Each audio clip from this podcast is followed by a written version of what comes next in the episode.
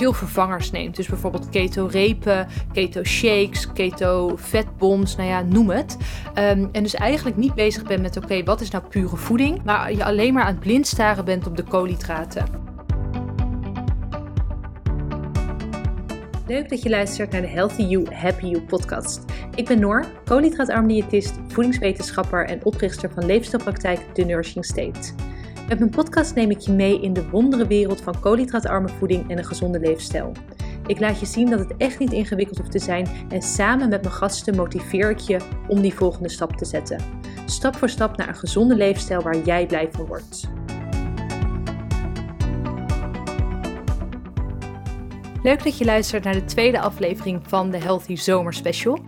In deze aflevering wil ik het specifiek gaan hebben over de meest gemaakte fouten bij het keto en het koolhydraatarm dieet. Eigenlijk zeggen wij altijd keto of koolhydraatarme leefstijl, omdat dat is wat je wil. Je wil het zien als leefstijl in plaats van als dieet. Ik heb deze er niet eens tussen staan, maar nu ik dit zo zeg, denk ik ja, dat is eigenlijk de meest gemaakte fout om het te gaan zien als tijdelijke oplossing. Van oké, nou dat doe ik dan even een maandje, dan zal het wel goed komen en dan kan ik weer terug naar mijn koolhydraten galoren zoals ik dat daarvoor deed. Ja, dat is eigenlijk niet wat je wil. Kijk, het voordeel is dat je natuurlijk je lichaam metabolisch flexibeler maakt. Dus je lichaam kan daadwerkelijk ook beter switchen tussen koolhydraat en vetverbranding. Maar we weten ook, zeker uit de praktijk, dat als jij koolhydraatarm gaat eten en je daar de voordelen van ervaart, dat je eigenlijk gewoon niet meer anders wil. Ehm, dus nou goed, hij stond er niet tussen, maar laat dat de eerste zijn. Zie het als een leefstijl in plaats van een dieet. Leefstijl zijn blijvende veranderingen waar je de rest van je leven wat aan hebt. Een dieet, daar heb je eigenlijk gewoon al het eindpunt in zicht en daarna ga je weer los. Ehm, dat moet je niet willen. Je wil echt naar een blijvende oplossing zoeken, want daar heb je uiteindelijk het meeste aan. Dan de daadwerkelijke eerst meest gemaakte fout, maar dus eigenlijk de tweede is de ketogriep. Ik hoor zo vaak mensen die op eigen houtje gaan starten met zeker ketogeen, koolhydraatarm dan iets minder. Laat me meteen ook even het verschil uitleggen tussen koolhydraatarm en ketogeen. Kijk, het verschil is in principe wordt er ook vaak gezegd: oké, koolhydraatarm is onder de 150 gram koolhydraten. Even ter referentie, een gemiddeld voedingspatroon is ongeveer nou, 300 gram, 350 gram koolhydraten. Dus je kan je voorstellen, met 150 gram zit je echt al een heel stuk lager. Maar als je kijkt van oké, wat is in de regel of in de praktijk koolhydraatarm, ga je meer richting de, in ieder geval onder de 100. Dat is wat wij in de praktijk vaak doen. Tuurlijk afhankelijk van iemands behoeftes, maar je ziet toch wel dat je de meeste gezondheidswinst en de meeste gezondheidsvoordelen ervaart onder de 100 gram. En ketogeen is het daadwerkelijk in vetverbranding zijn. Dus ketogeen komt van ketose. Ketose is vetverbranding, dus vet gebruiken als energiebron. En er wordt dan vaak gezegd, oh, onder de 20, 30 gram koolhydraten zit je in ketose. En dat zal voor de meeste mensen zo zijn. Dus het is inderdaad een veilige hoeveelheid om te zeggen van, nou ja, dan zal je wel in je vetverbranding zitten. Maar je ziet ook dat iemand die heel actief is en juist heel goed kan switchen tussen, koolhydra uh, tussen koolhydraatverbranding en vetverbranding, dat hij met een stuk meer koolhydraten eigenlijk al eigenlijk nog steeds in de vetverbranding kan zitten. Dus bijvoorbeeld voor een marathonrenner kan 50 gram koolhydraten ketogeen zijn, want ketogeen uitgangspunt vetverbranding. Terwijl dat voor iemand die um, veel zit en een zittend beroep heeft en eigenlijk vrij weinig in beweging is en diabetes type 2 heeft, ja, dan moet je misschien richting de 10 gram koolhydraten gaan. Dus daar wil ik al even van zeggen van oké, de... Um, er wordt vaak een fout gemaakt wat nou keto is en koolhydraatarm. Um, de, het uitgangspunt met keto is dus vetverbranding. Koolhydraatarm is het beperken van je koolhydraten. Maar dat hoeft niet zo laag te zijn dat je puur en alleen maar in je vetverbranding zit. Um, en daarmee is koolhydraatarm ook gewoon wat flexibeler. Um, er zullen nog steeds momenten zijn dat je in, je in je vetverbranding zit. Maar dat is niet de hoofdfocus. Het, de hoofdfocus is het stabiel houden van je bloedsuiker. Wat er dus vaak gebeurt als jij je koolhydraatinname gaat verlagen, is dat je vocht gaat verliezen. Dus je, normaal houdt je, lichaam, houdt je lichaam door middel van koolhydraten vocht vast. Je kan je voorstellen als je minder koolhydraten eet, dan gaat je lichaam dat vocht loslaten. En met dat vocht laat je ook veel mineralen los, je elektrolyten. Dat zijn je zouten, je magnesium, je kalium. En daardoor kun je behoorlijk ziek worden. Dus ik hoor mensen dan, die dus inderdaad op eigen houtje zijn gestart, zeggen van, oh, ik voelde me verschrikkelijk en ik had krampen en ik had uh, hoofdpijn en ik, nou ja, net alsof ik ziek was. En dan denk je van, oké, nou ja, je bent natuurlijk begonnen met de beste intenties om je beter te voelen. Dan is het nogal vervelend als je je zo ellendig voelt. En in de meeste gevallen kan het echt voorkomen worden door die mineralen aan te vullen. Want wat die ketogriep eigenlijk laat zien is dat je uitgedroogd bent. Dus dat je lichaam niet voldoende vocht en ook voldoende mineralen heeft om dat vocht vast te houden. Waardoor je dus eigenlijk ja, gewoon letterlijk uitgedroogd bent. En dat is dus ook de, ja, de, de meest voorkomende fout, dat je die mineralen niet aanvult. Dus mensen zijn dan als gekke water aan het drinken. Ja, dat mag zeker. Maar als je lichaam niet meer de tools heeft om dat water vast te houden, dan spoel je letterlijk gewoon door. Je kan ook kijken naar de kleur van je plas. Kijk, als dat uh, net zo wit is als het water uit de kraan of net zo doorzichtig, dan gaat er wat mis. Dat, dat is niet de bedoeling, dat dat precies dezelfde kleur is. Dus je ziet, je dorstbehoefte neemt toe, want je lichaam heeft behoefte aan hydratatie en aan vocht, maar het kan het niet vasthouden. En wat dan dus heel belangrijk is, is om je zouten en je andere elektrolyten aan te gaan vullen.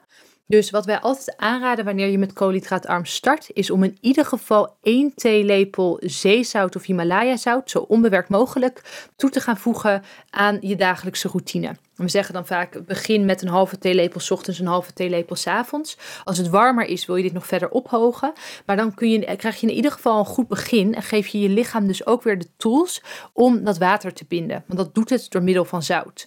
Daarnaast magnesium raden we altijd aan. Ik zal ook even de link van de specifieke magnesium die wij adviseren in de beschrijving zetten, zodat je weet welke dat is. Maar dat zijn echt hele belangrijke. Dus de, eh, het zout, een, goede, een goed natuurlijk zout. En dus je magnesium waarmee je de ketogriep kan voorkomen en ervoor kan zorgen dat je daadwerkelijk gehydrateerd blijft. Dan de tweede veelgemaakte fout is te weinig vet eten. En als je de podcast volgt, dan weet je dat vet echt je vriend is. Alsjeblieft, laat het je vriend zijn. Maar ik kan me ook voorstellen als je nieuw bent en of dus nieuw binnen koolhydraatarm keto en daarmee aan de slag gaat, dat het je best wel een beetje dat er een bepaalde weerstand is. Dat je het lastig vindt om zoveel of meer vetten toe te gaan voegen, omdat we natuurlijk geleerd zijn van vetten zijn slecht. Vetten zorgen voor hart- en vaatziekten. Vetten zorgen ervoor dat je aankomt. Eet minder, eet minder calorieën, dan val je af. Ehm, dus ik kan me voorstellen dat als je koolhydraatarm gaat eten, en dat zien we dus ook vaak in de praktijk, dat eigenlijk de vetinname achterblijft. En dat is dus meteen ook het derde punt, te weinig eiwitten. Want we zien dat de focus dan dus heel erg gaat naar koolhydraten. Oké, die moeten van het bord af. Maar je mag dat bord wel weer gaan aanvullen. Dus de koolhydraten eraf, ja, top. Maar zorg ervoor dat je vetten en eiwitten juist meer gaat toevoegen. Dus even wat voorbeelden van goede vetbronnen. Sowieso kies altijd voor eiwitbronnen die vetter zijn. Dus als je bijvoorbeeld kiest voor kip, kies dan voor kippendij of kip met vel ten opzichte van kipfilet. Want dan krijg je al een stuk meer vet binnen. Ehm, als je kiest voor gehakt, kan dat bijvoorbeeld ook half om half zijn. Of dat je er wat extra uh, vetten aan toevoegt. Met vis bijvoorbeeld, kies voor zalm of kies voor anchovies, kies voor sardientjes ten opzichte van bijvoorbeeld tonijn, wat een stuk magerder is. Kijk, het is niet zo, want ik, ik heb net nog tonijn op, dus ik wil je ook wel even een kanttekening geven. Dat je natuurlijk ook voor de meer magere variant kan kiezen, maar dat je je er dan bewust van bent dat je wat extra vet toevoegt. Dus wat ik heb gedaan, ik heb een tonijn op, daar doe ik garnalen bij, omdat dat ook weer een goede vetbron is. Ik doe er wat anchovies bij en wat extra olijfolie, omdat ik dan zeker weet dat ik goed zit in mijn vetten. Kijk, wat namelijk het verhaal is, als jij bepaalt van oké, vet wordt mijn energiebron. Ik ga daadwerkelijk mijn lichaam weer leren om vet te gebruiken als energie of als brandstof. Dan moet je het ook wel voldoende vetten geven. Zeker voor de overgangsfase. Als jouw lichaam gewend is om op koolhydraten te lopen. En heel eerlijk, dat is voor bijna iedereen zo. Dan moet je het echt wel een handje helpen om over te gaan op die vetverbranding. Dus je wilt dan ook voldoende vetten eten om je lichaam te laten zien van oké, dat is wat we doen. Vet is onze primaire brandstof. Dat is wat we gaan gebruiken als energie. Dus denk erom dat je je eiwitbronnen sowieso met voldoende vetten kiest. En andere goede vetbronnen zijn bijvoorbeeld um, kokosolie om in te bakken. Je kan in ghee bakken. Roomboter wel een beetje opletten met de temperaturen. Dus zeker als je op hogere temperatuur wil bakken, dan kies je voor kokosolie, ghee of dierlijk vet. Dus bijvoorbeeld um, reuzel als je wel varken eet. Of uh, ossewit kun je gebruiken. Daarnaast kan je olijfolie gebruiken, maar ook opletten met verhitten. Dus daar wil je ook voorzichtig mee zijn. Macadamia-olie is goed, maar dat gebruik je dan als dressing. In ieder geval voor koude bereiding ook. Waar je uit, mee uit wil kijken zijn de bewerkte oliën. Dus dat zijn de raapzaadolie, de uh, zonnebloemolie, pindaolie, omdat die allemaal hoog zijn in omega-6. Daar heb ik eerder een podcast over opgenomen, dus ik zal die ook eventjes linken, mocht je daar meer over willen weten. Andere goede vetbronnen zijn bijvoorbeeld kokosjoghurt of kokosmelk kun je gebruiken. Ehm, dat doe ik zelf bijvoorbeeld ehm, in mijn koffie, vind ik lekker om dat zo te combineren.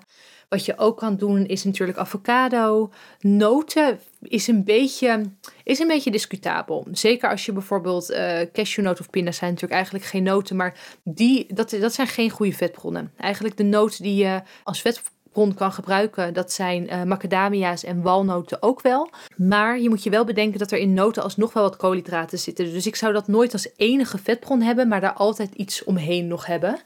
Uh, maar dus een veelgemaakte fout, bang zijn voor vet. En dat maakt het een stuk lastiger om over te gaan op die vetverbranding. Dus echt omarm vet. En luister vooral ook even naar de podcast welke vetten dus gezond zijn en welke je beter niet kan doen.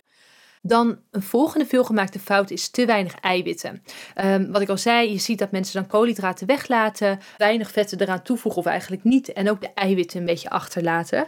Maar als je kijkt naar de optimale hoeveelheid eiwitten, dan zou je toch wel zeggen minimaal 1,2 gram per kilogram lichaamsgewicht. Dus stel je voor, je weegt 80 kilo, doe je dat keer 1,2 en dat is wel echt je ondergrens. Zeker als je actief bent of bezig bent met spieropbouw, dan wil je echt nog wel een stukje hoger gaan zitten. Dan ga je bijvoorbeeld richting de 1.6, 1.7 of zelfs 1.8.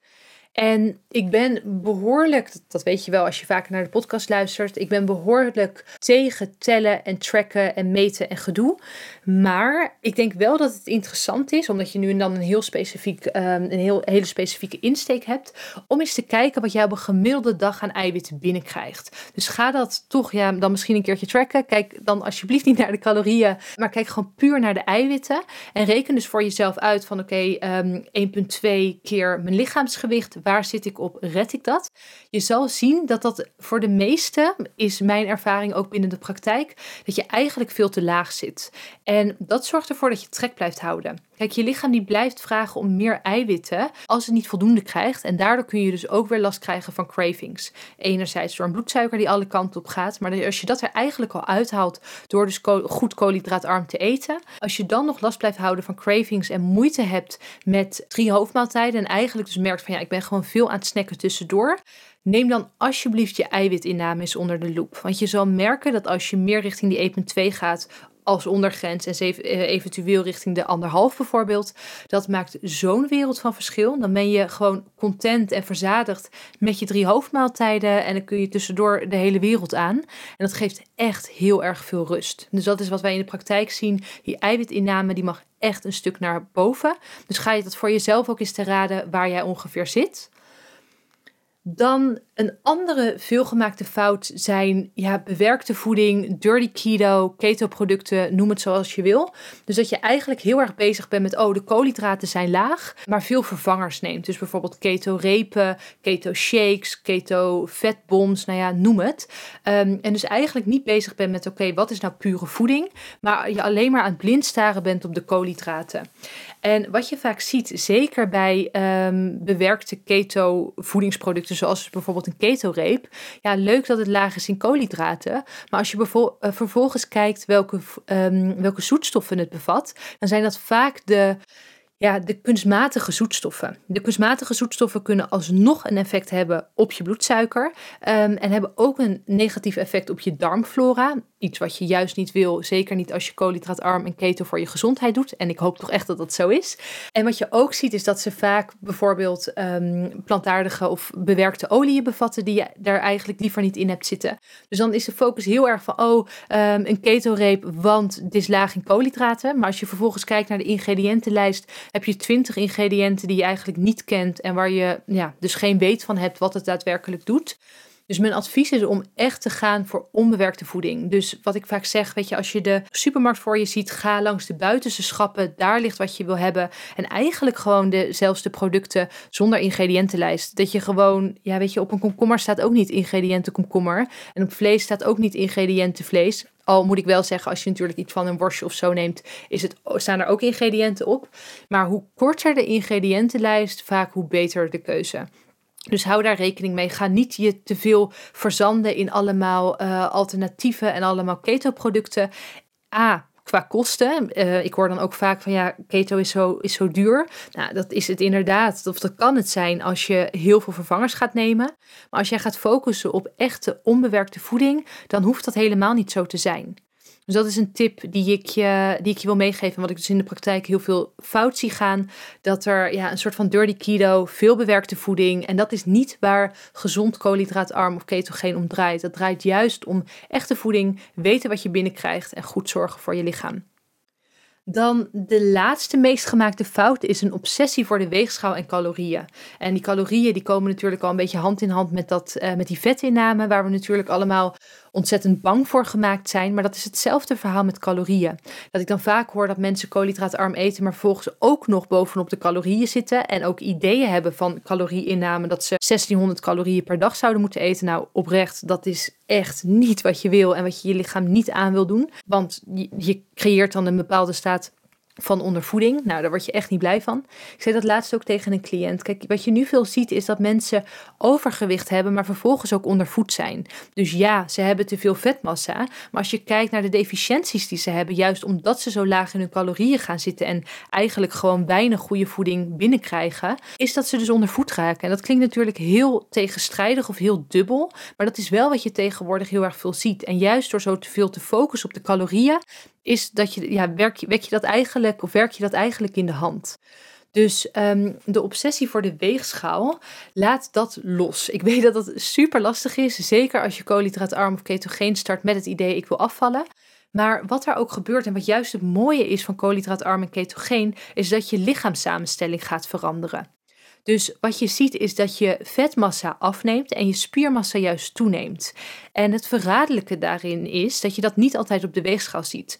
Dus wij horen dan van cliënten van, oh ja, ik voel me goed, ik heb veel energie, ik heb geen dipjes meer, geen cravings, mijn huid gaat goed, mijn uh, gewrichten gaan steady, maar dat gewicht dat blijft een beetje, dat blijft een beetje hangen.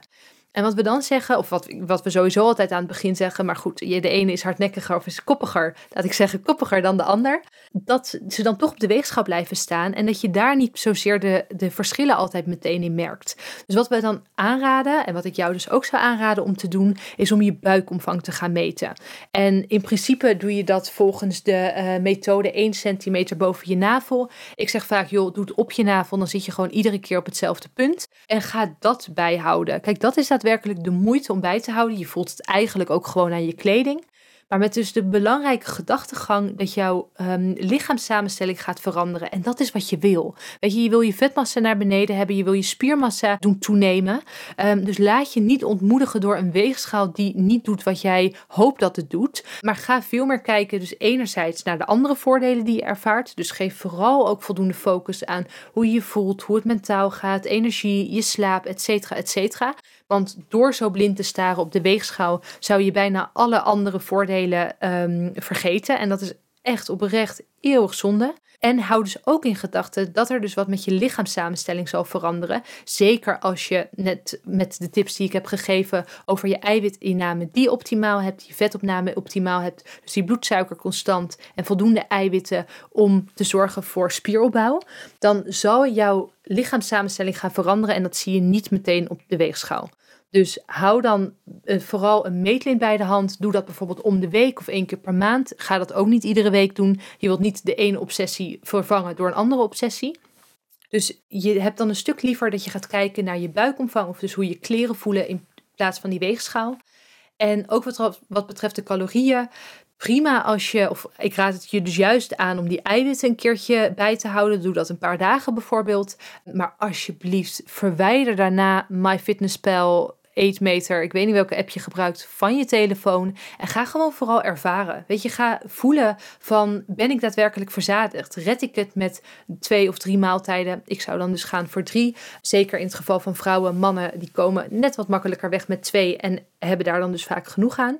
Maar dat is wat je wil. Want als je tussendoor trek hebt, dan betekent het dat je maaltijden niet optimaal zijn. En dan kan je calorieinname nog zeggen: ja, je hebt voldoende. En daarin ook, wat is voldoende? Als jij aimt voor 1600 calorieën, kan ik je al vertellen dat het onvoldoende is. En dat is ook het mooie en wat wij zo vaak terugkrijgen van cliënten over koolhydraatarm en ketogeen, dat het zo bevrijdend is. Dat je niet hoeft te tellen, dat je niet hoeft te tracken, dat je niet hoeft te wegen, maar dat je gewoon hoeft te eten. hoeft te eten, hoeft te genieten, moet weten of wil weten wat je in je mond stopt en wat daarvan het effect is op je lichaam, op je bloedsuiker, op je vetverbranding. Dat is wat je nodig hebt. Dat zijn de tools. En dat is niet een app of een weegschaal die jou extern gaat vertellen of je het wel of niet goed doet. Oké, je merkt, ik ben hier over het wegen. Ik kan daar behoorlijk um, gepassioneerd over zijn. Omdat ik echt denk dat het ontzettend zonde is dat we ons leven daar zo door laten bepalen. En vooral als je bezig bent met je gezondheid en stappen aan het boeken bent, dat je ja, dat je, je daardoor uit het veld laat slaan. Ik denk echt dat je dat, um, dat je dat mag loslaten. Dus ga met die buikomvang aan de slag. De apps lekker van je telefoon. Verder dus letten op je zoutinname, mineralen, vocht om de ketogriep te voorkomen. Let op je vetinname, voldoende eiwitten. Ga dat eens in kaart brengen. En voorkom dus dat je te veel uitgaat van keto-producten en dus eigenlijk te veel bewerkte voeding neemt. Ik hoop dat je wat aan deze tips hebt gehad, of eigenlijk aan de veelgemaakte fouten, die natuurlijk dan omgebogen zijn tot tips. En dan wens ik je heel veel succes en een hele lekkere zomer.